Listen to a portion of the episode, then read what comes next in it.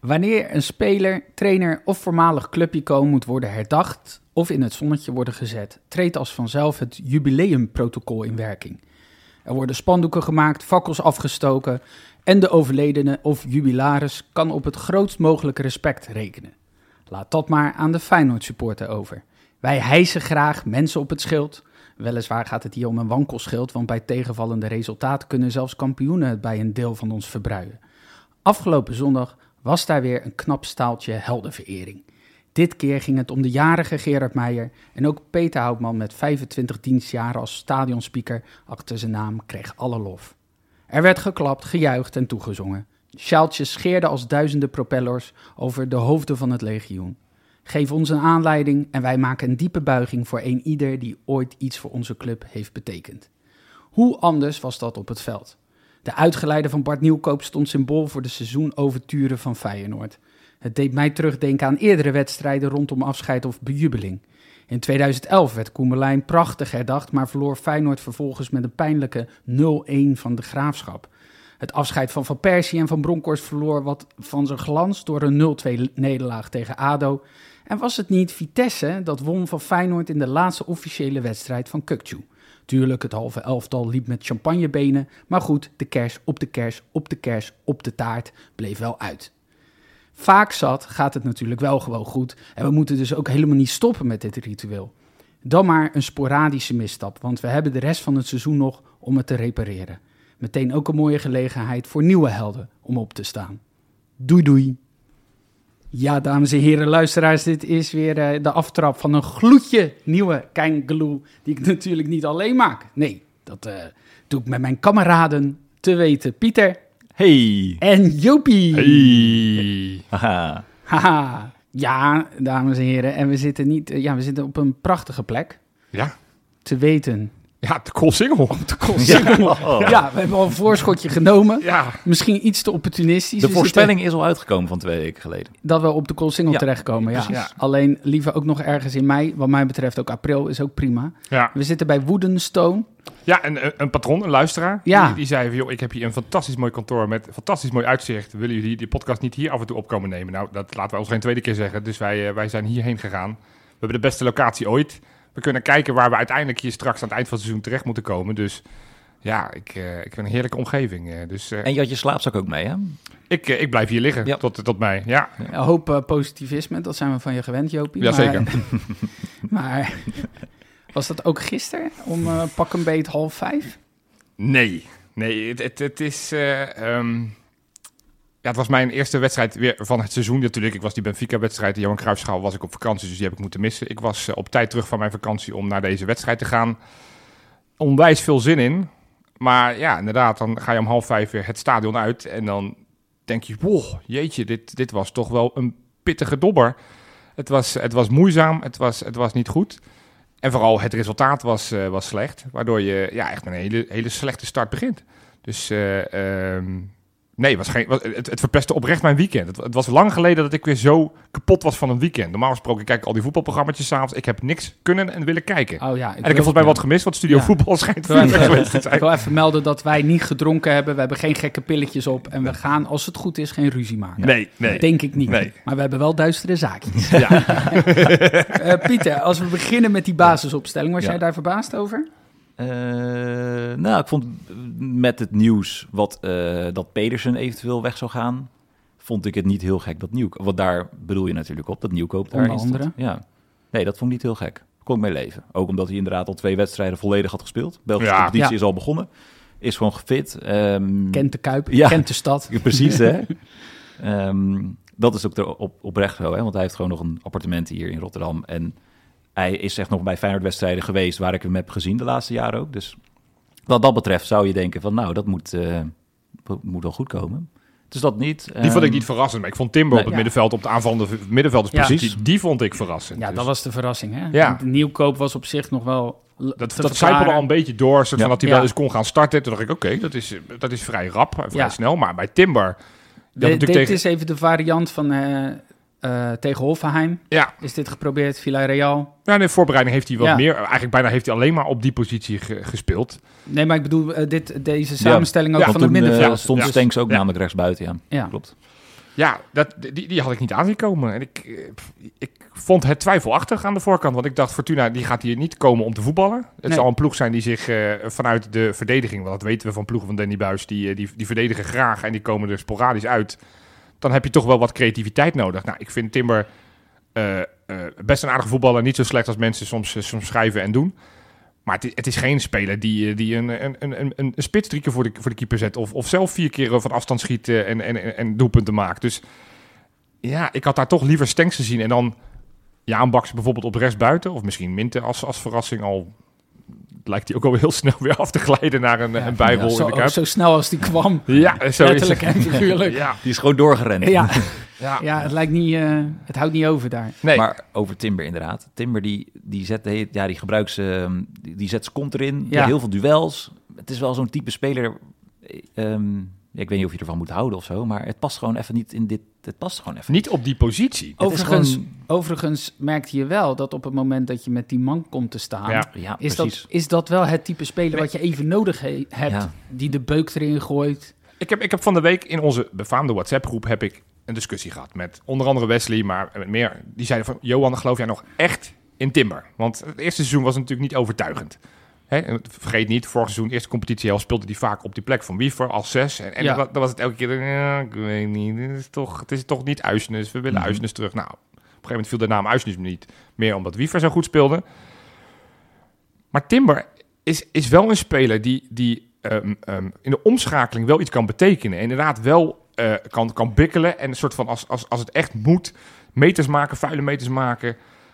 En ik denk dat het zo'n speler is, zoals bijvoorbeeld ook Amrabat, doet hij me ook heel erg aan Ja, denken. Die, dat die uiteindelijk in grotere wedstrijden, hè, ik weet, Amrabat uit bij Napoli eh, maakte die ook die goal, speelde die volgens mij goed. Ja, ik heb een beetje het, het, het, gevoel bij Timber dat, dat, daar, dat hij veel meer kan, maar, maar dat hij en goed gebruikt moet worden. Dus ik zou echt nu wel eens een keer op die 8 willen zien. En niet op 10. En, en ik denk dat we, dat we hem pas echt moeten beoordelen als hij straks ook een keer tegen Ajax in de baas heeft gespeeld. En tegen PSV en straks in de Champions League. Ik denk dat we dan meer van zijn klasse gaan zien dan dat we nu hebben gezien. Maar Want, denk je dat Slot daarmee ja, dat gaat proberen? Want eh, sowieso, eh, we hebben telkens... Hè, iedereen heeft het nu over het middenveld van, van Feyenoord. ja, Logisch ook.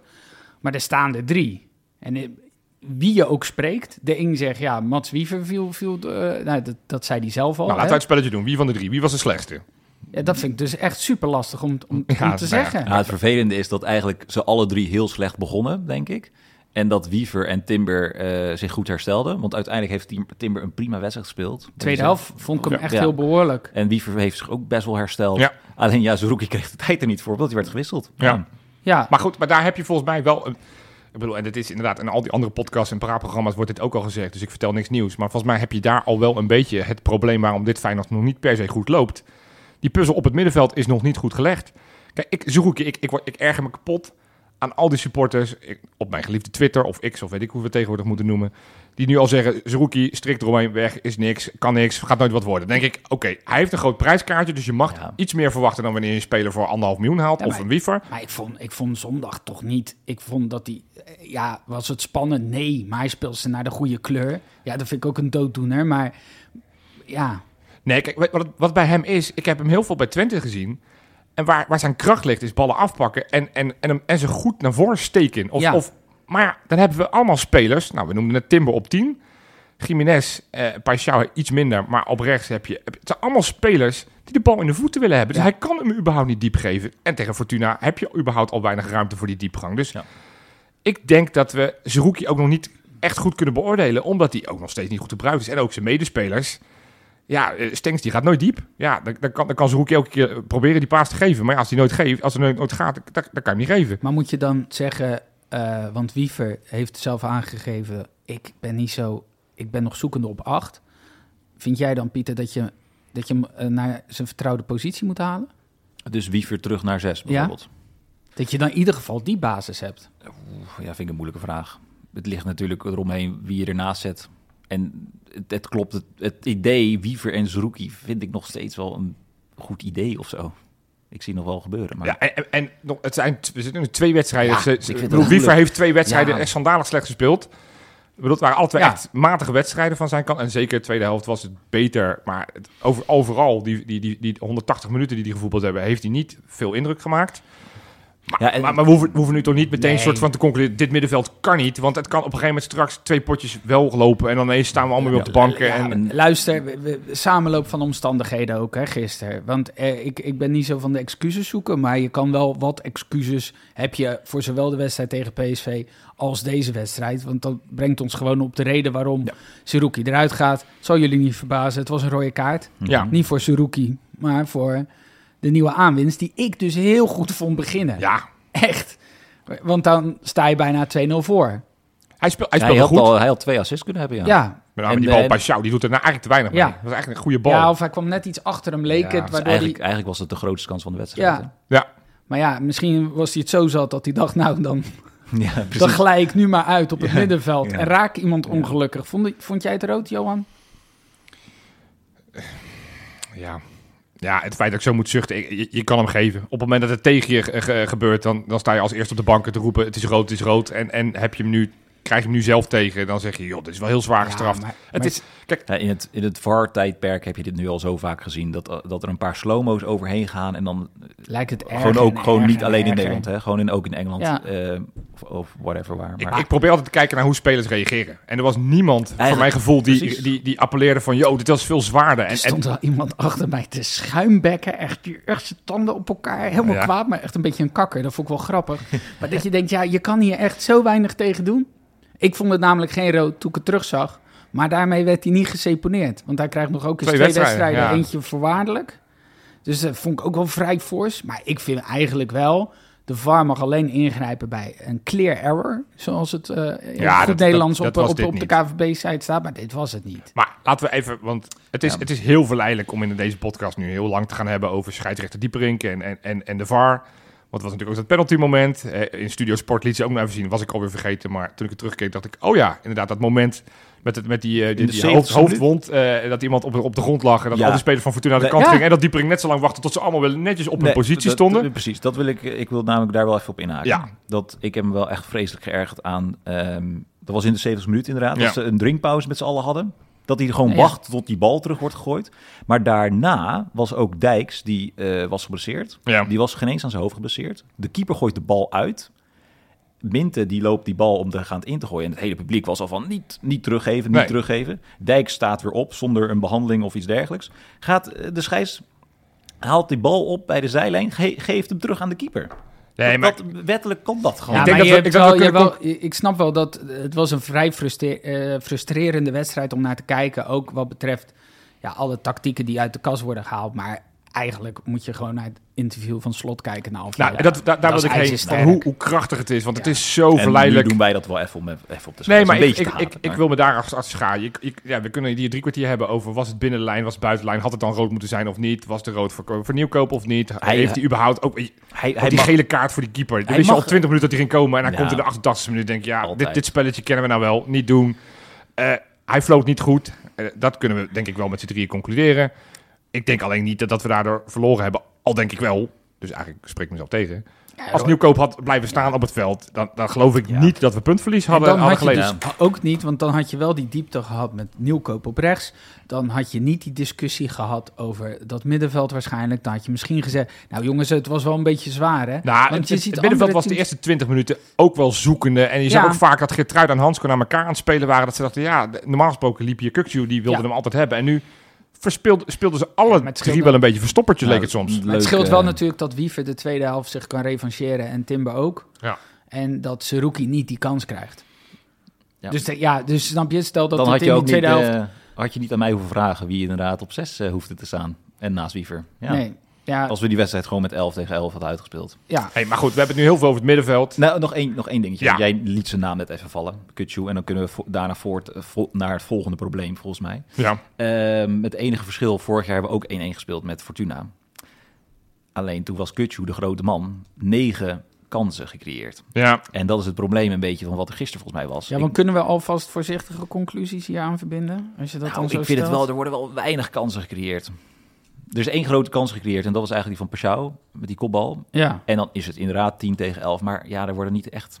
Nee, maar ik, daardoor vind ik, en dat is een beetje flauw, maar ik vind dat je eigenlijk niet heel erg over deze wedstrijd iets zinnigs kan zeggen. Leuk, je luistert naar een podcast over Feyenoord, gaan we een uur lang over Feyenoord praten. Nee, Ja. Vanaf die, vanaf die rode kaart is het een ander soort wedstrijd. En is het, merk je ook gewoon een soort van... Ja, wil je vol op de aanval? Speel je daarmee iets meer kamikaze? Of, of ga je toch denken van ja, met tien man, met zo lang te spelen. Weet je, het was niet vijf minuten. Nee, het was, was een uur lang moest je met, Ja. met, met tien man spelen.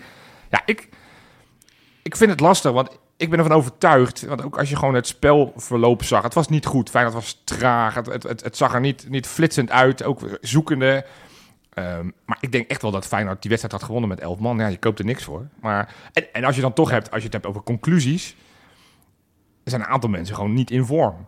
Ja, Want we hebben net is- Wiever genoemd. ja. We hebben Jiménez, vond ik echt een draak van de wedstrijd Ja. spelen. Ja. Hartman vond ik allemaal slordig slecht. ja. En ik zat te denken, het zijn wel al- dit zijn bijvoorbeeld alle drie spelers die, die al langere tijd in de belangstelling staan van andere clubs. Het zou lekker zijn als het 1 september is. Nou, Hansco, die haalden we vorig jaar. Ik weet nog, vlak voordat hij naar Feyenoord kwam, speelde hij een, een Europa League eh, voorrondewedstrijd. Ging die gigantisch in de fout. En toen dacht ik, oh mijn god, moet, moet, moet dat het voor Ja. ons gaan worden? Ja, dat was toen ook het, dat was ook het beeld, hè? Nee, maar, maar ze- ik denk dat we onderschatten hoeveel... Ja. Zo, zo, al die belangstelling en die clubs die informeren. Ga er maar aan staan. Dan ben je Hartman, speel je eigenlijk een jaartje in Feyenoord 1... en je kan waarschijnlijk zes, zeven keer zoveel verdienen bij een andere club. Maar Denk- zullen we dan denk even jij- een positief... Oh ja, Denk jij dat al die voetballers dan toch mensen zijn ook? Ja, st- stiekem denk Ja, ik het wel, ja. Maar zullen we dan even iets heel positiefs eruit halen? Ja. Geert Ruida. Hoe knap is dat? Ja, Want echt, Ja, als een patron eh, ging hij over het veld. Uh, hij zit bijna iedere aanval begint bijna bij hem in die tweede helft. Hè, probeert hij op te zetten. Eh, daags na een mislukte transfer. ja zo knap. Ja. Dat is ontzettend knap. En dan voor mij echt eh, ja, het lichtpuntje van de dag. En eh, de one to watch van, van Ja, Johan. Ja, dus je ja. zag het alweer Ik heb aankomen. het natuurlijk wel Maar jongens, Ja. Thomas Belen. Ja, Goed. hoe zou Pedersen gevoeld hebben? Je ziet ineens van, joh, mijn concurrent krijgt een rode kaart. Er werd een tactische wissel gedaan. Nee, ik zag dit- inderdaad een blond iemand langs de kant staan. Ik denk, nou, Pedersen komt. En ik, Nee, huh, maar wat? dit, dit is, ik, ik vond dit heel goed eh, uit te leggen hoor. Ja. Omdat je Geert Ruida veel meer als extra middenvelder kan gebruiken in deze wedstrijd met 10 man. Ja. Dus ik, ik, ik, ik, misschien dat Pedersen het nog steeds vervelend vond, maar Nou, dat denk ik wel zeker. ja.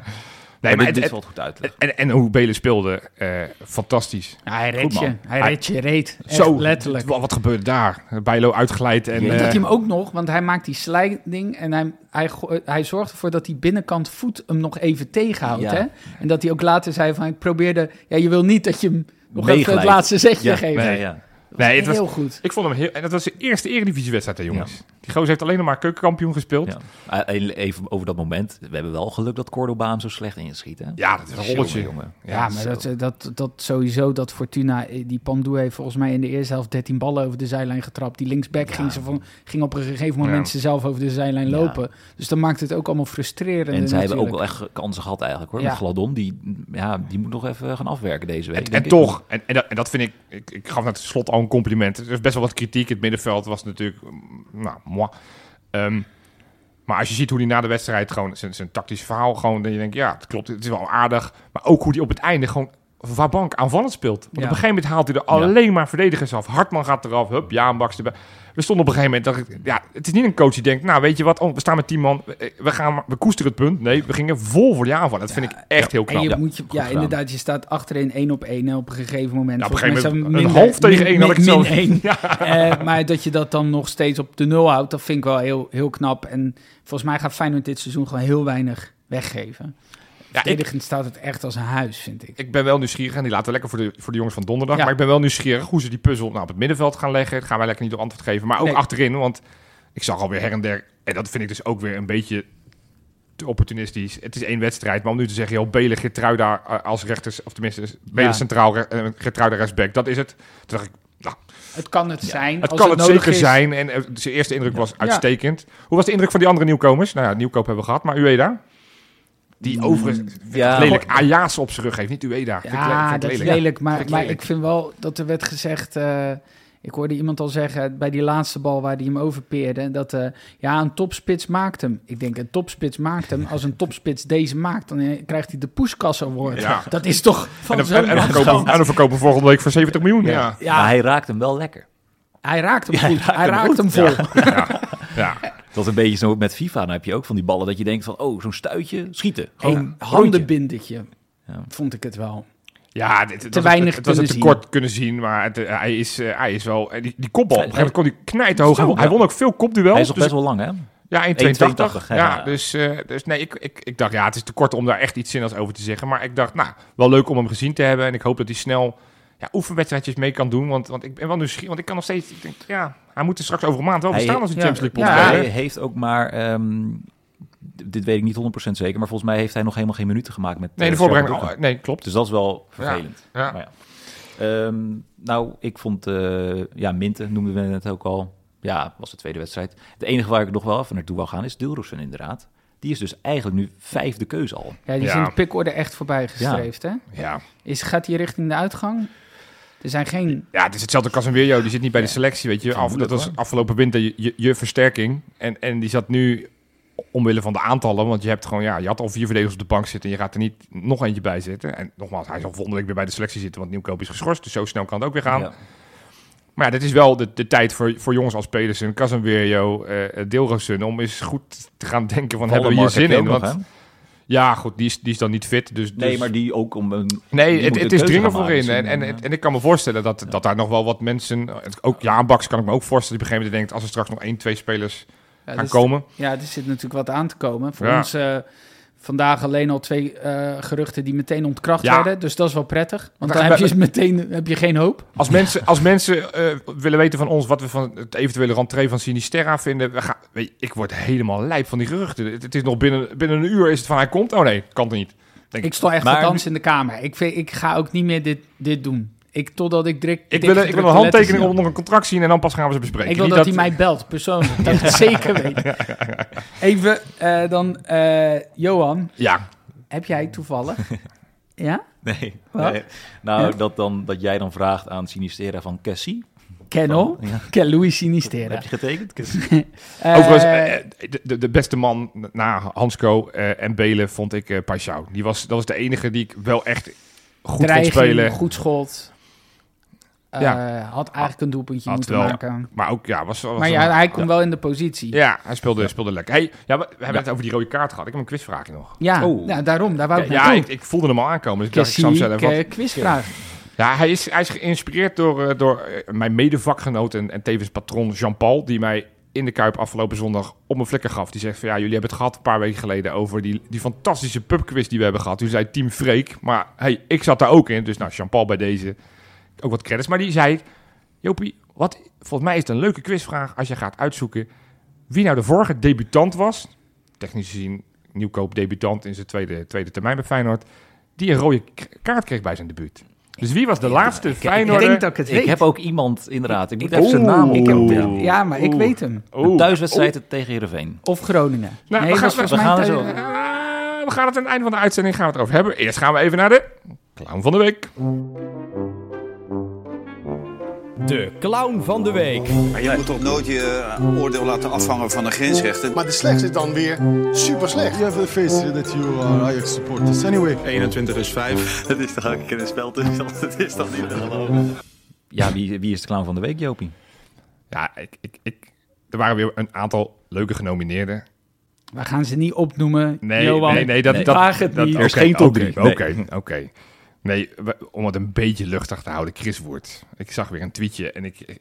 Jullie kennen mij, ik, ik hou wel van die Amerikaanse eh, praktijken. Ja. eh, cheerleaders, scoreborden en dat soort gekkigheid. Scoreborden, zo. Nee, ja, van die, maar van, die, van die, van die jumbotrons eh, Ja, en, en ja, ja. entertainment in de rust. Kisscams. Ja, precies. De kisscams. Het kan mij allemaal niet zo gek genoeg in die sporten, voor de duidelijkheid. Voordat mensen straks zeggen, Johan wil cheerleaders in de Kuip. Nee, dat hoef ik zeker niet. Maar onze Chris Woerts, want er is natuurlijk een, gaan ook geruchten dat, dat Ajax zich wil versterken met een, eh, een Japanse speler. En toen kwam Chris Woerts. Hoe fantastisch zou het toch zijn als er een klassieker wordt gespeeld in Japan. Want dan heb je Feyenoord en Ajax met alle twee een Japanner. Zou fantastisch zijn voor de marketing. En en ik dacht, nou jongen, waarom Chris? Hou het alsjeblieft bij je crypto of, of bij, je, bij je dildo's die je in, eh, bij Veronica in site aanprijst. Maar alsjeblieft, nee, dit... dit, dit Ja, nee, toch maar- er zit toch een Japaner te wachten op Feyenoord Ajax? Ja. Dus die, gaan toch ook allemaal naar het stadion voor Feyenoord tegen Red, eh, Red Diamonds, of weet ik hoe die Het club wordt een hele dure combi ook dan, denk ik. Ja, ja, dat is een verplichte buscombi naar Tokio.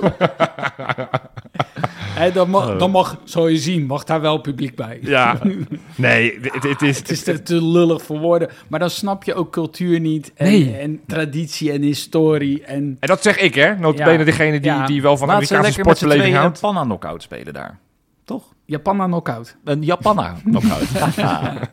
Nee, Leuk, dus eh, nou ja, Dit, schiet er gewoon af hier bij deze, hè? ja, Als er iemand naar. Japan gaat, is het Crypto Chris. Daarom. Dan nu iets totaal anders, namelijk de nieuwe organisatiestructuur binnen Feyenoord.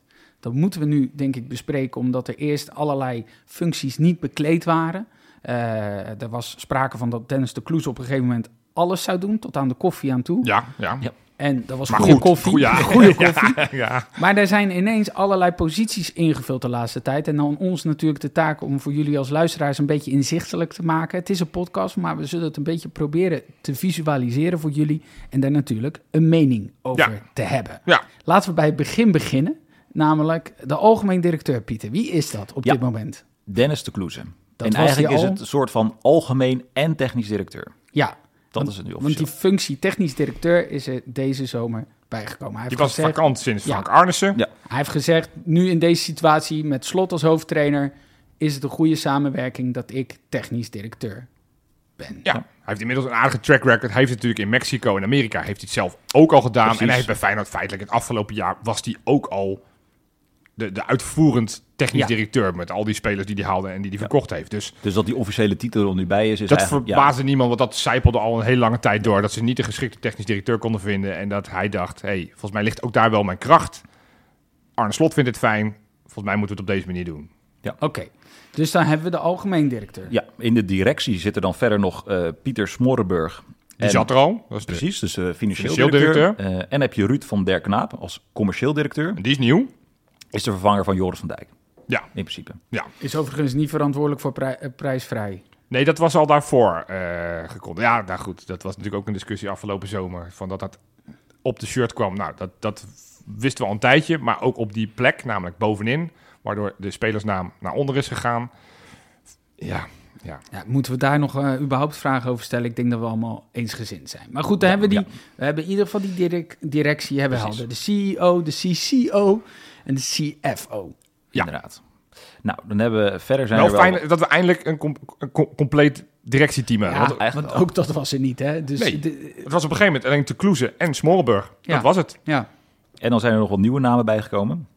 Want toen hadden we daar opeens eh, Jelle Goes. Ja, want, want dat is dan de voetbaltak. Je hebt dan een soort van, eh, onder de financieel directeur Ja. hangt natuurlijk van alles. Hè. Dan heb je natuurlijk de commercie en de media En enzovoort. wij gaan nu even richting het... het, het, de- het voetbaltak. Ja, dus Dennis de Kloese, zeg maar. die kant Precies. gaan we op. En daar, daar hebben ze wat wijzigingen doorgevoerd. ja, hoe heet, wat is de officiële titel op dit moment van Jelle Goes? Manager, manager Recruitment and Development. Development. Ja. Development. Ja, Ik, ik, ik, ik, ik las dit en ik dacht, wat, ja, het klinkt weer heel sexy en heel spannend, maar wat gaat die man in vredesnaam doen? Want Ja. het, het, het voelde bij mij als een beetje chef lege doos. Nou, hij heeft feitelijk drie takken onder zich, of vier als je het heel, eh, heel kritisch bekijkt. De jeugdopleiding, daar is hij verantwoordelijk voor. Dus dat is nu Rini Kolen, die moet nu gaan rapporteren aan Jelle Goes. waar die dat voorheen direct aan deed. de algemeen of de technisch, technisch directeur. directeur. Ja. Je hebt de scouting van zeg maar de senioren. Dat deed, eh dat was de, de hoofdverantwoordelijk was altijd eh, Mark Ruil, maar die heeft een andere functie. Komen we straks op. Dus nu is Christos Akkas is doorgeschoven. Die is nu hoofd van de scouting. Die heeft een scoutingteam waar nog wat mensen gaan bijgevoegd worden, want dat team is wat, wat uitgehold. Kloese zei, hij mag zich gaan bewijzen. Ja. Dan heb je nog James van der Kraan. Dat is die van de scouting van de jeugdopleiding. Tevens zoontje van de T-journalist. Dat is totale no- onnodige informatie, maar goed, dan weet je dat ook maar weer. En je hebt de vrouwentak onder de leiding van Manon Melis. Nou, die, die was er al. Is ook niks anders eh, aan. Maar daar is hij dus feitelijk verantwoordelijk voor. Ja. Is trouwens op, dus nu wel de vrouwenvoetbal is er nu ook officieel bijgekomen als tak, volgens mij ook, toch? Ja, de vrouw die werd, die werd eigenlijk in de lijn van de jeugdopleiding. Beetje bij zitten bij Varkenoord Varkenoord. gestopt, eh, Alleen ja. goed, het is natuurlijk wel een aparte tak die nu steeds professioneler wordt, steeds serieuzer wordt genomen. Eh, en die Feyenoord nu ook een, Dus pro- ook een een goede prominentere plek krijgt in de, in, Ja. in de organisatiestructuur, zoals ik hem nu beschouw. Oké, Ja. dus dat staat Dat hebben we nog allemaal onder iemand, Jelle Goes. Ja, en dan hebben we nog één iemand, is Rini Kolen. Ja, die, die, die noemde ik net al. Dat is de hoofd Oh. van de jeugdopleiding. Precies. Dat is, ja, dat, volgens mij is het voor hem wel een soort van feitelijke degradatie. Want hij rapporteerde, wat we net al zeiden, rechtstreeks aan de technisch directeur. En nu ineens is daar eh, Jelle Goes eh, tussen gekomen. Maar waarom zou dat een degradatie zijn als hij dezelfde werkzaamheden heeft? Ja, omdat, hij, omdat er... Verandert daar ook iets in? Misschien in titel, is zijn titel ook veranderd? Nee, dat niet. Nee, die is nog steeds... Maar, maar het is meer het- het- het- dat ik denk van... Ja, wat, wat... Is het niet te veel? Zullen we het daar zo over hebben? Ja, kunnen we Laten we even naar de andere tak Precies, gaan. dan gaan we naar de is- andere kant. Want we hebben dus eh, Dennis de Kloeze erboven, Jelle Goes met een tak, Ja. weer zijn eigen stamboom. En Ja. daar hebben we Eh, Mark Ruil. die Ja. dus eerst scouting. Ja, en die was op een gegeven moment in de zomer... werd, werd hij gelinkt aan ADO Den Haag dat hij daar technisch directeur was. Leek op, nou, zo goed als weg. En daar Ja. ineens was het verhaal van... nee, die houden we binnenboord. Krijgt een iets andere functie. En die is dus nu manager global voetbal Precies. geworden. Maar, Sorry, hij was dus hij was hoofdscout. Hoofdscouting. Of- Precies. Maar nu manager Global Football. Wat klinkt alsof hij de hele wereld onder zich heeft. En het universum. En het universum. maar daar komt het wel een beetje op neer, of niet? Want wie Ja. zit, vallen daar dan weer Nou, onder? precies, daar gaan we. Want eh, dan heb je Bernard Schuitenman. Dat is een bekende naam natuurlijk. Eh, en Guido Vader. Die zijn verantwoordelijk voor de samenwerkingsverbanden. Nou, we luisteren een podcast van een paar maanden terug, in, eh, terug waar ik al die mooie namen opnoem. Ja, Van eh, Orange County tot aan eh nou, Urara, Red Diamonds en al die samenwerkingsverbanden. Ja, Eh, en daaronder, en dat is op zich ook wel interessant, Pascal Bosgaard. ja. Die nu eh, assistent is bij, ehm, eh, bij FC FC Dordrecht. FC Maar- Dordrecht. Maar maar ik dit- wou zeggen dit- jong, jong Dordrecht, maar is- dit, dit zijn de namen. Maar het is nog veel interessanter van wat nou zijn verantwoordelijkheden en zijn taken zijn. Want die Precies. vind ik iets interessanter. Ja. Want dit zijn de poppetjes die, daar, die daarvoor verantwoordelijk zijn. de stamboom hebben we nu ongeveer compleet Ja, inderdaad. want, want Mark Ruil, en dat is ook iets wat we in deze podcast wel eens geopperd hebben, is verantwoordelijk voor bijvoorbeeld Jong Feyenoord. Want daar hadden we ook het gevoel van, dat hangt er een beetje bij bij de technisch directeur. En die denkt, oh, ik kan hier nog een koopje halen. Hup, flikker ik in dat onder 21 team. Nou, nu is dat, ligt, is dat dus belegd bij Mark Ruil en consorten. Dordrecht, eh, is we dat net zo of is dat bij Jelle Goes? Nee, nee dit, is, dit zit dus echt bij Mark. Jong Mhm. Feyenoord, dus Fe- Feyenoord onder 21. Dus dat is niet bij de Academy, dus niet bij Rini Kolen. Nee. Dat hebben ze echt losgetrokken, apart team. Nee, maar even goed om te weten. Ja, FC Dort valt daar dus onder, aangezien we daar natuurlijk een samenwerking Ja. hebben. Waardoor Pascal Bosgaard, die rare constructie dat hij feitelijk bij Feyenoord in dienst is, maar uitgeleend wordt aan, uitgezonden en inderdaad. daar ook weer een speciale rol heeft. Eh, dan hebben we ook de, de internationale samenwerking. Nou, dat deed Guido Vader al, maar dat, dat, dat zit, valt daar ook onder. En Bert Schuiterman gaat daar meer in doen, want die was vooral scout. En we hebben loonmanagement. En dat stukje is Dat nieuw. vind ik interessant. En, en dat is, is er eentje, ik ga straks proberen uit te leggen wat het is, is zo volkomen logisch. Maar dat was er niet. En dat zegt op een gegeven moment Dennis de Kloes in het interview ook. Van, hij zegt, ja, ik heb gewoon bij anderen gekeken. En toen dacht ik, eigenlijk was de kritiek van onze huurlingen. Dus dan heeft hij het over bijvoorbeeld een Lennart Hartjes. Als er kan. Als er kan, die dan verhuurd zijn. Die zeiden, ja, eigenlijk horen we niks. Of we, we krijgen niks mee van Feyenoord. En daar zei de Kloes op van, ja, weet je, dat, is, dat zijn ook gewoon onze spelers. Daar hebben we ook een verantwoordelijkheid voor. Die moeten we gewoon zorgen dat die band en die link met Feyenoord ten alle tijde blijft. Dat we daar iemand van verantwoordelijk voor maken. En hij noemt als voorbeeld, ik weet niet of het kan, dat Lennart Hartjes bijvoorbeeld in een interland breekt, dat hij bij Feyenoord mee zou kunnen trainen. Ja, Nou, dat- Welke ik ook wel interessant vond, in datzelfde interview had hij het over Newcastle United bijvoorbeeld. Ja. Als voorbeeld. Met Minte. met Minte. Die gaan dus al maanden van tevoren, voordat dat hele verhaal rond was, überhaupt kijken ze op 1908. Is dit de plek waar wij onze spelers heen willen brengen? Zij willen dus ook op die manier omgaan met eh, spelers die verhuurd worden aan andere clubs. Ja. Ze gingen kijken, eh, waar komt hij terecht? Wat voor woning krijgt hij? Eh, kan die is er een kapper in de buurt? Dat soort Ja. dingen. En zelfs op de eerste dag ging er een delegatie van Newcastle United mee. Niet raar, het is kapitaal wat je uitleent. Daarom, daarom. En wij hebben nog niet de bedragen die Newcastle kan, maar nogmaals, ook die gasten van onder 21. Nou, noem zo'n zo'n Shiloh Sand die nu van Feyenoord naar Dort is gegaan. Nogmaals, Dort is dan een speciale constructie, maar pak dan eh, Thijs Jansen die de afgelopen week aan, aan de graafschap verhuurd is. Volgens mij ziet Feyenoord er daar best wel in zitten. Ja, houd dat lijntje kort. Zorg dat we dat, dat die ook eh, op het moment dat het daar bijvoorbeeld bij de graafschap, als het nou blijkt dat ze daar niet zoveel op voeding letten, geven we gewoon die voedingsschema's van Feyenoord mee. Ja, Dus dat soort kleine dingen. Nou, dat vind ik, het, het klinkt zo obvious, maar ik denk ja, wel goed dat dit ingezien is en dat we die, dat we die slag hebben gemaakt. En dat we nu ook zeggen van hé, hey, daar gaan we ook in investeren. maar hiervan kun je zeggen, dit is echt een kans die Feyenoord grijpt. Dus dit is een wijziging ten goede. Ja, dit vind ik zeker wel.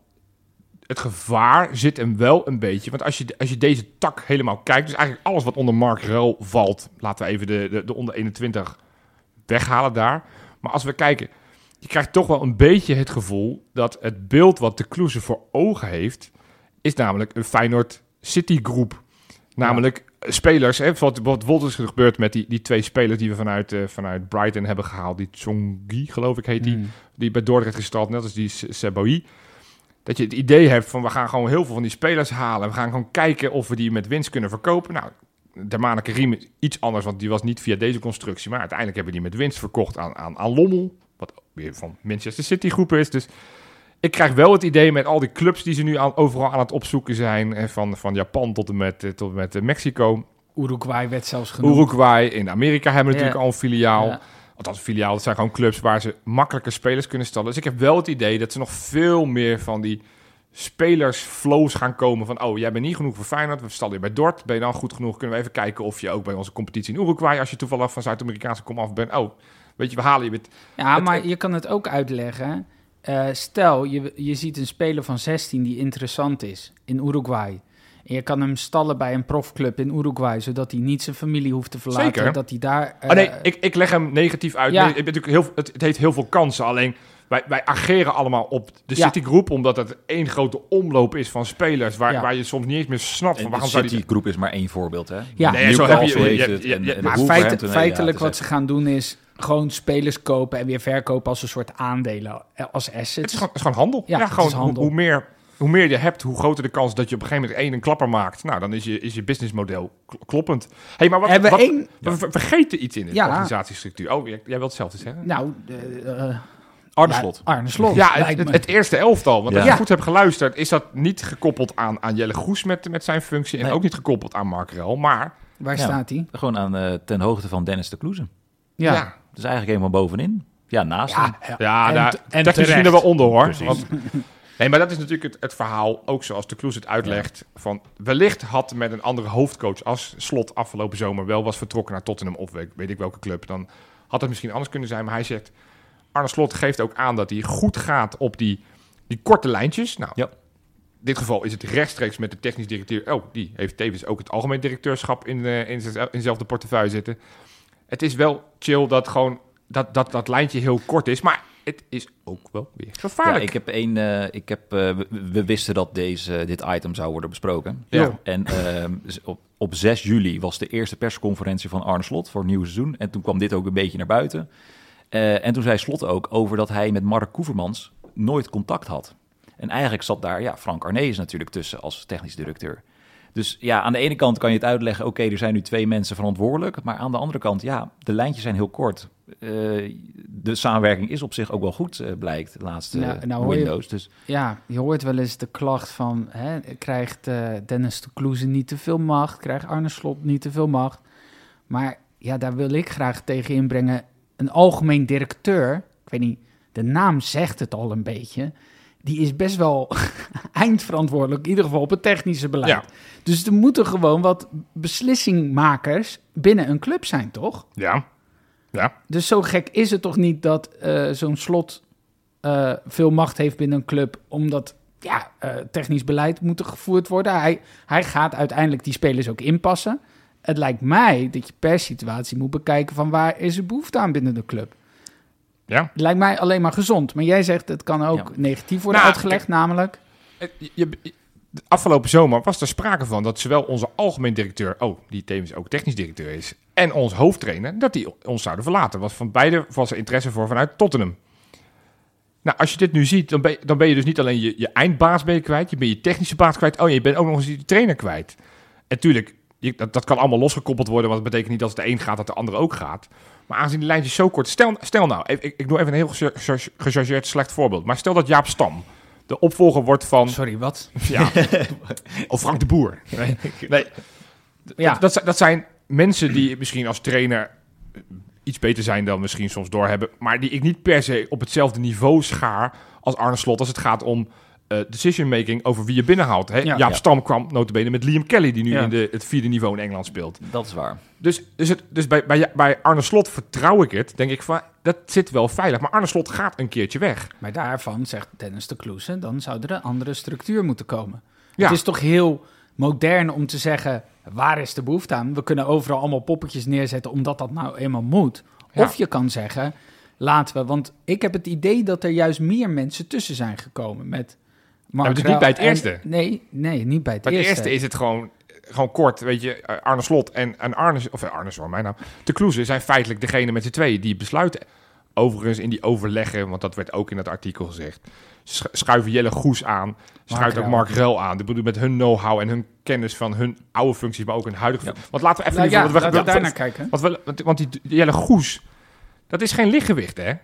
Nee, Nee. Het is, je zou kunnen zeggen, als het een speler was, was het een voetbalnomade geweest. Hij heeft natuurlijk heel veel functies bekleed. Ja, Als bondscoach ook, bij Estland. bij Estland. Ja. Een groot voetballand. Ja, ja, ja. Komt nu net van een eh, functie van de UEFA. Ja. Eh, Hoofd, hoofdopleidingen bij ja. PSV is die geweest. Hij heeft acht, acht jaar bij de UEFA gewerkt, inderdaad. Ja, Eh, twee jaar bij PSV, eh, drie jaar bij FC Utrecht, eh, bijna zes jaar dus bij Estland. En hij heeft ook nog twee jaar bij CSKA Moskou gezeten. Ja assistent, geweest, geweest, assistent ja. geweest van Guus Hiddink. Dus bedoel, het is wel een man die, die binnenkomt met een bepaald cv. Die zich blijkbaar schikt, vind ik super stoer, in een functie van manager. Ja. Vaak zou je zeggen, wil, die wil minimaal het directeurschap. Maar die, die, die voelt zich blijkbaar senang en goed bij, bij het plaatje dus- zoals geschetst is. Zou je hem dus uit kunnen leggen als die technisch manager waar eerder over werd gesproken? Ja, Dat het, indirect wel een beetje. Ja. Alhoewel, hij, wordt, hij is niet verantwoordelijk voor, de, voor de, het halen van spelers. Nee, maar hij, hij zal, heeft- hij zal adviseren, hij zal meepraten. Want hij, is natuurlijk, hij staat ook aan de kop van de scouting. ja, Dus hij zal ook vanuit de scouting zal die namen krijgen. En die zal die op het bord leggen van, de- van de Kloeze. Maar wat hij heeft gedaan bij zijn vorige, eh, vorige clubs, was Ja. ook vooral echt wel met de jeugd. Hij heeft ook wel echt veel met die, bij de jeugd gewerkt. Ja, nou, het is, het is gewoon als je gewoon in die organisatie kijkt, of het nou Toulouse is, die, die natuurlijk in, in Amerika, in Mexico wat heeft gewerkt. We hebben het, we hebben net gehad over Rini Code, die ja, dus zelfs iets lager in de organisatie nu feitelijk staat. Die heeft ook bij, bij Rozenborg is die hoofdtrainer geweest, bij hoofdopleiding Twente, bij. Twente. Kortom, er zitten best wel wat mensen met, met know-how die, die meer van de wereld hebben gezien dan alleen maar ons kleine kikkerlandje. je zou kunnen zeggen dat, eh, net zoals Slot eh, dat eh, die voorkeur heeft voor in het eerste elftal, dat ook binnen de bestuursfuncties iedereen op meerdere posities uit de voeten kan. Multifunctioneel. Multifunctioneel inzetbaar, Ja. toch? Nou, zo- zolang het maar niet straks zo zijn dat, Dat we, Mark Rauw, eh, dat, we, dat we Ruud van der Knaap doorschuiven als hoofdtrainer als Nee. Arnold weggaat. Nee, oké. En dat jij weet wel iets van cijfers, dan kan je wel de nummer 2 en de nummer 8 op het bord zetten. Dat lijkt me iets, iets te voorbarig, inderdaad. Maar goed, eh, Jelle Goes is zo iemand die dus en ook eh, eh, coach is geweest, maar ook zo'n eh, functie heeft gehad binnen de, binnen de UEFA. Ja. Ja, Zitten we met Mark Ruil. Ja, ja, ik vond het bij hem interessant. Ik, ik, hij zit er natuurlijk nu misschien al wat langer. Maar hij heeft in 2016 heeft hij een databureau opgericht, Ja. Player Connect. eh, wat echt helemaal ehm, ja, ingericht is op de big data van tegenwoordig. Ehm, ja, dat, dat vond ik heel interessant. ja. Eh, sprak me heel erg aan. Ik, het, ja, Het, pro- het project wat hij, en dat is natuurlijk ook, daar valt hij ook niet helemaal, maar hij is bijvoorbeeld ook volgens mij als zijfunctie is hij technisch directeur van Dort. Dat doet hij er even bij. Ja. Dat is natuurlijk met die hele rare constructie. ja, ja, ik, nou, de ik- eerste wedstrijd van Dort, het, het beviel me wel. Ik, eh, we gaan het nu niet uitgebreid over Dort hebben. Gaan we in de volgende podcasten gaan we dat vaak Ja. genoeg doen. Ja, Maar van een heel lelijk eentje is het nu wel een elftal wat volgens mij al wel een beetje wordt gevreesd door heel veel ploegen. Dat ze denken Ja. van daar, daar is wel wat gaande. En ook daar is de, is de markt nog niet eh, gesloten. Dus ik vind, ik vind het rete interessant. Het voelt, en jij zei het net al een beetje Tim, het voelt als een, als een hedendaagse stru- structuur die meebeweegt met, met, met de behoeftes van, van nu. Eh, waarbij inderdaad ook de flexibiliteit is dat op het moment dat er straks veranderingen zijn, een Arne Slot gaat weg of een De Kloeze gaat weg, dat dat ook snel genoeg weer aangepast kan worden. En natuurlijk moet je dan de juiste mensen vinden. Ik vind het interessant. Er zijn een aantal hele logische dingen in. Ik vind het ook wel weer spannend, nogmaals. mis je iets? Ja, ja ik zat te kijken. Ik miste in het plaatje. eh, maar ik denk dat die technisch gezien dan weer onder eh, code valt. Maar Head of Methodology was twee jaar geleden ineens het begrip waar, waar een soort van... Hè, Koen Stam hebben we in Ja. de podcast gehad. Ja, die, die zie je in het, het, het grote plaatje zie je die niet per se terug. Terwijl volgens mij dat ook belangrijk is dat alles wat we doen... of het nou bij het vrouwen is, bij de onder 21... maar eigenlijk ook bij Dort... laten we hetzelfde doen. Ja, Dan zou je ook zeggen, dan moet je ook die een prominente plek geven in de... wordt daar wel ook met uh, Bosgaard hè, op dezelfde Zeker. manier trainen, werd er over gesproken bij Ja. Dort. ja, dus nee, ik, maar voor de rest, ja, even- klinkt het extreem logisch, klinkt het, klinkt het doordacht, klinkt het wederom. En dat is wel een beetje wat steeds bij de Kloeze past. Ja, gewoon logisch en, en, en normaal denkend, maar, maar wel gewoon goed. Het is gewoon heel erg gericht weer op het eerste elfte ook, lijkt het toch? En gewoon resultaten op het veld. Waar is behoefte aan? Precies. En dan tot slot, dames en heren, eh, de uitwedstrijden. Er is veel om te doen de laatste tijd. Ja, Zowel landelijk, internationaal. Uitwedstrijden, eh, moeten ze er nog überhaupt zijn? Dat is misschien een andere discussie. Maar ik wilde eens inventariseren bij jullie. Gaan jullie eigenlijk wel naar uitwedstrijden, überhaupt? Pieter, Als als het, het, als het kan. kan. En dat, ik heb een zilverkaart. Ja, En ik weet dat Jopie daar zit en die... ik zit in gold. Even, voor- er zijn drie, drie niveaus voor de mensen Ja. die, die, die, die niet eh, bekend zijn met de materie. Je hebt silver cards. dat zijn eh, Pieter en ik. Ja, En dat kan je der- feitelijk, als je een seizoenkaart hebt, kan je dat er, er makkelijk bij Ja, je aanvragen. Je zegt, helemaal niks Ik, voor denk- ik denk dat er 20.000 zilverkaarts zijn misschien. Zijn heel misschien meer. En dan heb je op basis van het, van het verleden, de afgelopen drie jaar, een aantal punten kan je bij elkaar verzamelen. Als je nou, een aantal wedstrijden per jaar gaat, kan je een gold card krijgen. Daar zit ik. En dan heb je boven nog diamond cards. Nou, diamond cards, dat zijn de mensen die ongeveer alles gaan. En dat zijn Ja. ook de mensen die bij de vakjes bij Excelsior zitten. Ja. Eh, RKC, die Maar hele kleine uitvakjes. Daar gaan we zo over Die hebben. kunnen naar Almere City, zeg maar. Ja. Die kunnen naar Almere City. Dat, dat gaat mij waarschijnlijk met mijn goldcard ook niet Nee, maar laten we dat Ja, zo doen. Eerst, jij gaat dus wel eens uitwedstrijden als je een goldcard hebt. Ja, ik, ik denk dat ik gemiddeld zo- zo'n zes, zeven uitwedstrijden per jaar ga. Waar ik altijd probeer één of twee Europese wedstrijden mee te pakken. Ik vind het altijd een feest. Dus ik, ik vind het altijd heel leuk om te doen. Eh, dus als het even kan eh, en het is een mooie uittrip eh, en het valt goed in mijn schema, dan, dan ben ik van de partij. Zijn er ook wedstrijden die je bewust niet gaat? Ja, ik vind PSV vind ik vreselijk. Ja. Ik ben er wel gegaan omdat het gewoon een groot uitvak is. En als je bijvoorbeeld ooit een goldcard wil halen, dan moet je dat soort wedstrijden. Er zijn er gewoon Heerenveen, PSV. Er zijn een paar van die waar je grotere uitvakken... ehm, je kijkt op een gegeven moment ook voor, joh, eh, hoe- hoeveel reistijd ben je kwijt? Is het een verplichte buscombi of kan je met het autootje daarheen? Eh Heerenveen vind ik altijd heel erg prettig. Kan je gewoon met je auto heen racen. Eh, maar ik vind ook een aantal wedstrijden vind ik gewoon niet zo... En niet zo- Europees? Bijvoorbeeld, ik kan me voorstellen, ik persoonlijk... ah, Italië, Rome. Ik weet niet of ik er zin in heb, joh. Nee, dat, nou ja, goed, als we al mogen komen. Ja, want de laatste keer dat we tegen de Romeinen twee keer mochten spelen, waren we niet welkom als supporters. Dus eh, ik vind, en en dat is eigenlijk waarom ik al die uitwedstrijden ga. Want soms denk ik ook wel eens, weet je, als je een uitwedstrijd bij Groningen op een zondagmiddag om half drie, dan moet je ongeveer zeven uur 's ochtends uit je bed op zondag. En dan ben je s'avonds om tien uur thuis. En ik overdrijf het een klein beetje, maar het zit wel redelijk tegen de waarheid aan. Maar ik, ik, die punten heb je nodig om, om zeker te zijn van nou, Europese finales, wat we natuurlijk heel veel spelen. Maar ook als we dan uitloten bij, eh, bij, in Denemarken, of we hebben een mooie loting straks in de kwartfinale van de Champions League in, in Porto, ja, da- dan wil ik daar wel heen. Want, want dat zijn voor mij wel de, de krenten uit de pap, de kers op de taart. Die Europese uitwedstrijden is, is voor mij het allermooiste wat er is. En jij, eh, Pieter, want Eigenlijk alleen Europees. ja, eh, gewoon in Nederland is het gewoon niet mogelijk om erbij te komen. Ik ben een keer bij Heerenveen uit geweest. Is, was inderdaad heel chill. Met, was eh, per ongeluk. Ja, per ongeluk. Ik was in de buurt. het ligt zo tegen de snelheid. Ja, want het is niet te doen. Jij zei net al even gekscheren, maar misschien is dat ook wel echt waar. Die 20.000 zilverkaarthouders. Ja, kijk, als er, Ja. inderdaad, als, als, er, als er nog wat over is, en dat zijn vaak bij de grotere uitvakken, PSV, Utrecht, ehm, dan, dan moet je echt heel veel geluk hebben. Ja. Ja. Ehm, en de uitwedstrijden, Europees, die lukken nog wel. Ik ben bij, eh, nou, bij Marseille geweest. Maar ja, dat, misschien is de volgende vraag aan jou. Wat, wat vind je ervan?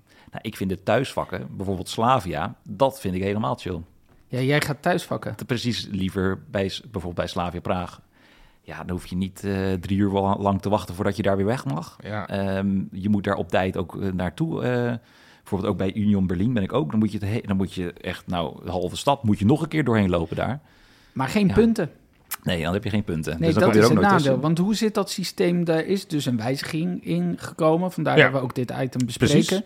Hoe zit dat precies? Want Er is, er, is, er is gekeken, sowieso wordt er gekeken naar de laatste drie jaar. Dus mocht je een jaar zeggen van, joh, het komt wat voor reden dan ook, door ziekte of, of omdat je werkgerelateerd het wat minder kan. Dus kijk naar de laatste drie jaar, de punten die je bij elkaar verzamelt. En die aan het eind van het jaar trekken ze er een streep aan, hoeveel punten heb je. En dan kijken ze van, nou, hoeveel zitten er in het hoogste segment, hoeveel in het minste segment. En dan verdelen ze de nieuwe kaarten.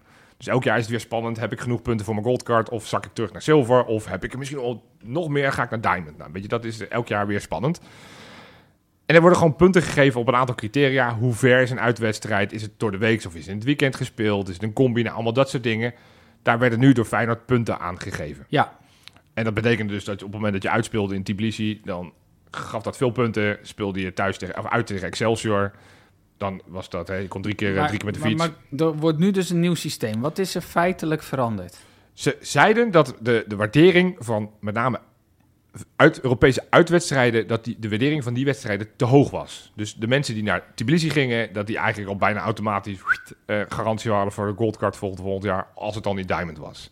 Dus ze hebben gezegd, dat systeem willen we een beetje nivelleren, dat dat minder waard is. Dus Ja. ze hebben er gewoon een, ja, een, vri- een vrij duidelijk systeem. We gaan het er straks over hebben wat het is. Is Nou. trouwens ook zo, omdat er natuurlijk die uitvakken Europees zijn groter, waardoor meer Nou, mensen niet. meer bij, punten bij hebben. Midtjylland, eh Sturm Graz waren, waren ook kleine uitvakken. Ja. Ja, maar In de Champions League zal normaliter zullen we, dat, zullen we grotere uitvakken krijgen. Als we nogmaals welkom zijn. Want de UEFA is Dat er steeds volgende. meer happig om, om niemand toe te laten. Ook met wat er gebeurd is in Kroatië en zo. Ja, niet geheel onlogisch. Nee, dat, dat snap ik. Eh, maar geef eens een Ja. voorbeeld, want ik wil wel Ja. weten, stel Utrecht, bekerwedstrijd. Ja, kijk, dus ik zal heel snel. Je krijgt één punt voor een zondagwedstrijd. Ja, Twee punten voor een zaterdagwedstrijd. Drie punten voor een doordeweekse wedstrijd. Waarbij vrijdagavond ook als doordeweeks wordt gezien. En zondagavond ook. Je krijgt één punt voor een combi. hè, Zo'n buscombi die je dan hebt. Of een, een treincombi. Als het minder dan 50 kilometer is. Vanaf Rotterdam, hè, want dat is nog... Stel je woont in Zuid-Limburg. Je wil Ja, een uitwedstrijd bezoeken bij, bij Rode. Dan moet je eerst naar Rotterdam om volgens dat hele Ja. weer terug te pendelen. dan vind ik dat je 40 punten mag Ja. krijgen. Zo werkt het helaas niet. Dus je krijgt één punt als het minder dan 50 kilometer is. Twee punten als het eh, minder dan 150 is. En je krijgt drie punten als het meer dan 150 Oké, is. maar En laat- Europees. Goed, jouw vraag was. Utrecht, bekerwedstrijd. Nou, dat zou nu betekenen, even heel snel... Twee voor de afstand, want het is meer dan 50, minder dan 150. Het is een door de week, want je speelt op woensdag, op dinsdag, op donderdagavond. En één, omdat het over het algemeen een combi is. Een buscombi vanuit Rotterdam. Dat, dat zou je zes punten geven. Maar je hebt het net de hele tijd over Tbilisi. Ja, stel we zouden loten tegen Tbilisi. Lijkt me sterk, want die gaan niet in de Champions League uitkomen. Maar even het equivalent van, van ver, ver, ver in Europa. Nee, zo'n, zo de, welke eilanden deed je nou mee? De Ja, Faroe-eilanden. de Va- Faroe-eilanden. Daar Dat, gaan we dat, heen. dat zou kunnen, maar goed. Daar gaan we heen. Laten we het even op Tbilisi, Tbilisi. houden. Oh, makkelijk. het wordt toch Tbilisi. Twee Europees, omdat je Europees speelt, punten. Drie voor de lange afstand, want dit is wel meer dan 150 kilometer. Twee door de week, dan krijg je acht punten. Maar even voor mijn gevoel. Ja, Ik weet dat Utrecht soms als Tbilisi voelt. op een maar woensdagavond. op een woensdagavond in december kan dat Ja. echt als Tbilisi aanvoelen. Ja. Maar dit is toch, dit is toch totaal uit verhouding, Pieter? Acht punten om zes punten. En nou, dus eigenlijk een hele goede vraag. Zo voelt het ook. Maar hoe was het inderdaad vroeger? Want vroeger kreeg je dus, hoeveel kreeg je dan? Ja, dat, dat is da- daar. wa- Die, die- ik geloof dat achter de schermen best wel systemen waren met Ja. hoeveel kilometers en elke zoveel Maar je kwam uit dan op 19 of zo. Ik, heb even gekeken naar mijn oude schema's, want ik ben niet in Tbilisi geweest, dus ik kan hier niet over. Maar bijvoorbeeld, ik ben bij Berlijn geweest, dat waren 17 punten. Dat was ook een Ja, midweekse wedstrijd. Maar Utrecht op een zondag waren 9 punten. Ja, dat dus dat, dat ik- voelt ook niet helemaal in verhouding. Eh Heracles op een zaterdagavond waren 10 punten. City op een doordeweekse avond waren 14 punten. Dus het die, systeem... heb, die heb ik ook binnengehaald, die 14. ja, Ja, Zo. Maar het systeem hiervoor, wat, wat ik eerst had ik dacht van, dit, dit is krom en dit, dit- daar gaat mijn goldcard. Dit, dit, dit klopt niet. Maar ja, zoals je nu ziet, City 14 punten en op een zaterdagavond tegen Heracles waren 10 punten. Ja, dat voelt, dat voelt, dat voelt ook soort van, omdat die City, maar het City verschil... veel meer van je vraagt, want dan moet je nou, fysiek heen met trein, vliegtuig, auto, whatever. Terwijl ja, Heracles rij je heen en weer. Ja, maar het verschil is wel vier punten ten opzichte van twee. En dan hebben we het over Tbilisi. ja, Dan zit je in Tbilisi. Ja. Bij City zit je nog in Manchester. Dat Ja. is wel gezellig. ja, Ja. Dat geen mooi, mooi Tbilisi. plein, ja. Maar dan per saldo komt het er gewoon op neer, Pieter. Jij en ik zijn gewoon nog steeds fucked. Ja, wat, Dat, waren, waren we sowieso. Het enige wat positief steeds. is in de veranderingen... is ze gaan nu, omdat voorheen kende je wel de verhalen van mensen die met 28 iPads probeerden in te loggen. Deed jij dat, Pieter? Ja, ik, ik deed dat zelf ook, ja. Ja. Ja. Ja. En wat gaan ze nu doen dan? Eh, nou, nu krijg je een... eh, eh, jouw e-mailadres is gekoppeld aan het Ticketshop-account. dus het, waar je met, met Feyenoord kaartjes koopt. En op dat e-mailadres krijg je één unieke code. En met die unieke code krijg je één eh, wachtrijplek. Oké. Dus dat komt er eigenlijk op neer dat je inderdaad Google Chrome, Safari, eh, incog- incognito vensters, dat is, dat is allemaal niet meer nodig. Ja, voor andere dingen. Maar, dat is, maar je, het is waarschijnlijker dat je de staatsloterij wint... dan dat je een kaartje uit bij Heerenveen hebt. Eigenlijk wel, ja. ja. Ja. Wat zou jij nou veranderen, Pieter, als je... Want aan dit systeem... ja. Blijft Nou, lastig. Ja, ja ik, eh, kijk, eigenlijk is het weer hetzelfde als de Primera.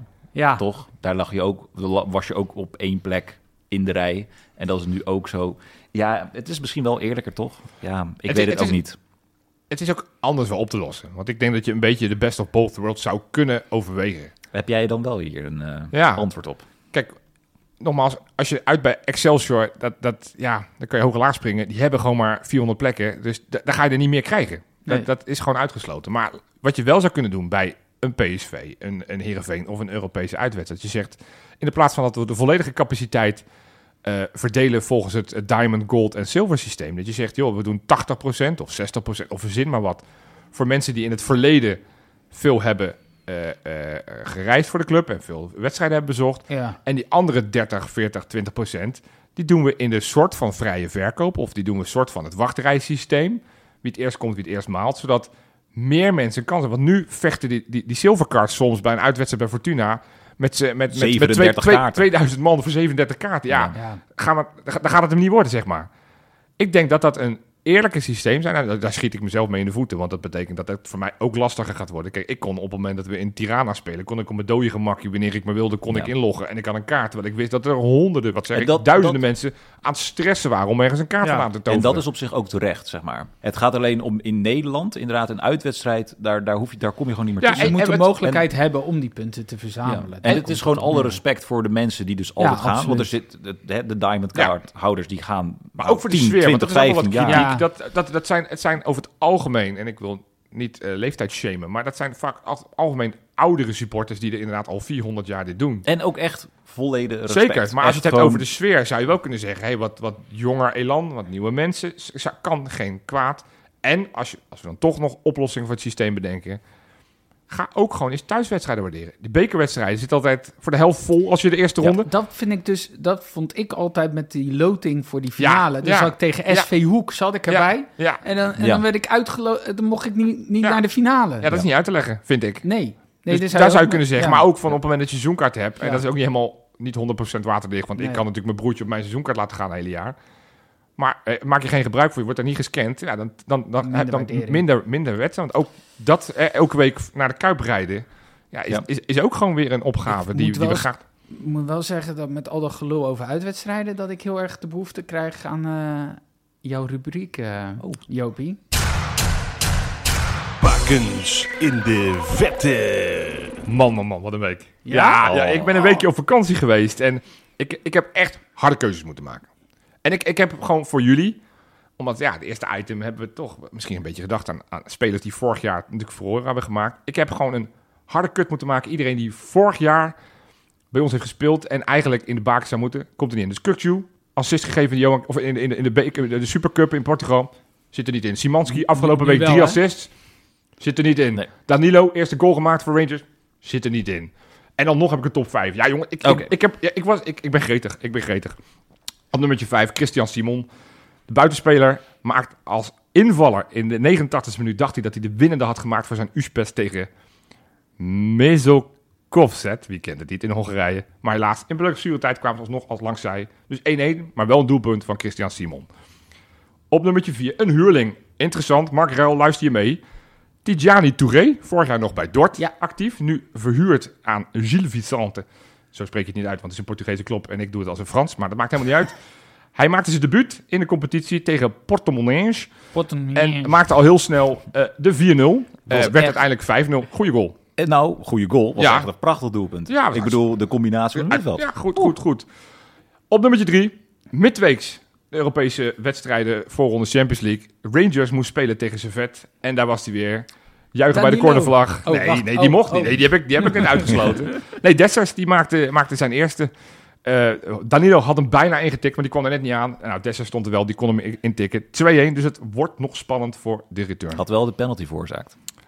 Sst, dat moet je niet altijd Oh, verklappen. Nee, dat, dat is alleen, maar positieve vibes in de, in de bakens. Op nummertje 2, Basel. Met Wouter Burger in de basis die een assist gaf, maar niet in de bakens zit. Speelde thuis tegen Lausanne Sport van Aliou Baldé.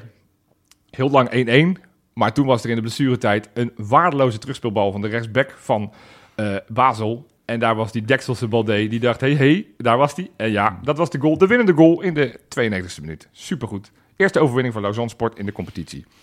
En dan op nummertje 1, dit zal jullie niet ontgaan zijn, had na Feyenoord RKC al een beetje kunnen oefenen in de bakens bij Roda. Hè, dat is toch een soort van half uit. eh, maar hij heeft nu de definitieve overgestapt naar de mooiste rubriek van Nederland, namelijk de bakens. Hij ging naar Hibernian in Schotland. Dylan Vente moest midweek spelen tegen Luzern. Eh, en dat was de wedstrijd van Vente. Met een, een goal en een assist was hij eh, nou zeer, zeer, zeer belangrijk bij zijn debuut in een 3-1 overwinning in de voorronde van de Conference League. Dus Heerlijk weekje in de bakens, jongens. Lekker. 48 bakens heb ik gehoord. Ja, Ja, heerlijk man. Heerlijk. Goed. Maar Pieter, als een, eh hoe heet hij? Dylan Vente. Dylan Vente, ja. Als die nou eh, zijn wedstrijdjes wil kijken in dat eh, Ja. koude, natte Schotland. Ja, wat, wat, Hij- wat moet je er anders? Hij, hij volgt gewoon toch nog Feyenoord. Daar ga ik wel vanuit. En anders Rode JC, Tuurlijk. RKC misschien. Hij, zijn oude clubs, die moet hij gewoon kijken. Zeker. Nou, wat hij daarvoor kan doen, is NordVPN downloaden. Oké. Kan hij gewoon op zijn eigen iPadje, kan hij gewoon even zijn, eh, even zijn locatie naar Nederland opzetten. En dan kan hij gewoon lekker ook naar Nederland 1, ook naar Nederland 2. Kan hij ook gewoon Studio Gewoon- Sport kijken. Oh, dat is wel echt chill. Dat is geen probleem. Maar dat is wel Goed, echt, dat is, dat is oprecht wel lekker. Dan, dan, dan ben je dus in het buitenland. En deze is, dit is gewoon Schotland. Maar ja, had ook in Kazachstan kunnen zitten. Of, Ook, of, ja. of- Tbilisi. of- Tbilisi. Precies. Dat is, wel, dat is wel chill dat je dan toch een beetje in Nederland waant. Dat je toch het gevoel hebt, ik ben toch een beetje thuis. Absoluut. Ik Maar heb het zelf ook. Vente, Dylan Vente heeft centen. Hey. Eh, hoe zit dat voor ons als eh, luisteraars, eh, Pieter? Nou Tim, je kan naar noordvpn.com slash kangaloo en daar staat een hele mooie bonus voor je klaar. Eén kopje koffie per maand. Lekker man. Ja, Goed kopje koffie. Ik ben onderweg.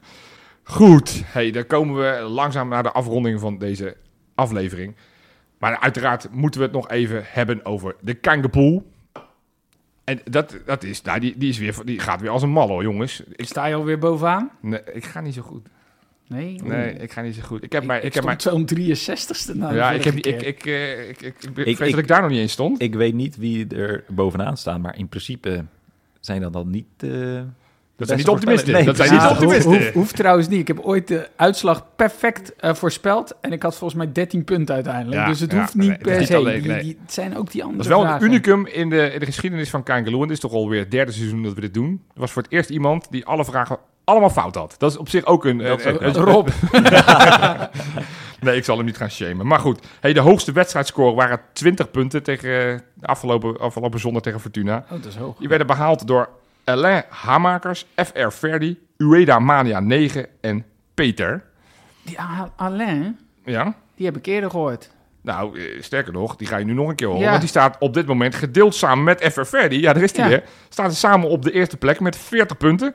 eh, in, het, in het algemeen klassement en dus tevens het tussenklassement. En op de derde plek Danny Makkely. Ik weet niet eh, of die nog een wedstrijdje moet fluiten binnenkort van ons. Maar dat kan ineens wel positief voor ons gaan worden. Danny weet de uitslag al. Ja, nee, maar dus jongens, het is, eh, het is drukker dan ooit. Ik heb er bijna een dagtaak aan om het allemaal bij te houden. Maar het is ook leuker dan ooit. Dus doe gewoon de komende tijd weer mee. En je krijgt een extra vraag. Hè? Als je, Als patron, hè, als je lid bent van ons, kangaloo.nl. En dan kijk je naar het stukje van steun ons. Dan kan je inderdaad lid van ons worden. En dan heb je de extra vragen en meer kans om te winnen. Goed. Die quizvraag, mannen. Oeh. Zal ik hem even herhalen? Graag. Wie was de laatste Feyenoord die bij zijn debuut de rode print zag?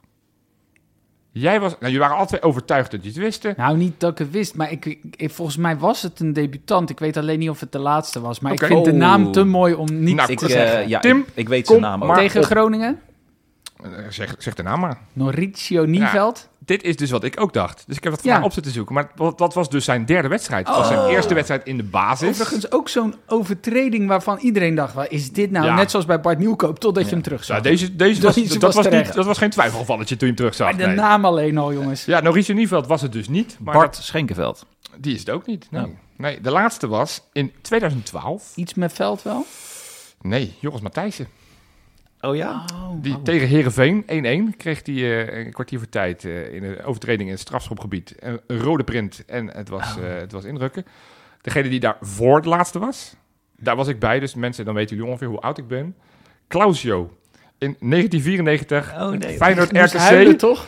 Die, nou, die, die, die, was, die had daarvoor een schopper gekregen. Die dacht, ik ga even een verhaal halen. Dus ook dat was geen twijfelgeval. dat, was, eh, dat was ook geen al te beste buurt. En degene die daarvoor was, was 1987. En Die- daar was je ook bij? nou, ik leefde toen wel, maar toen was ik net te jong.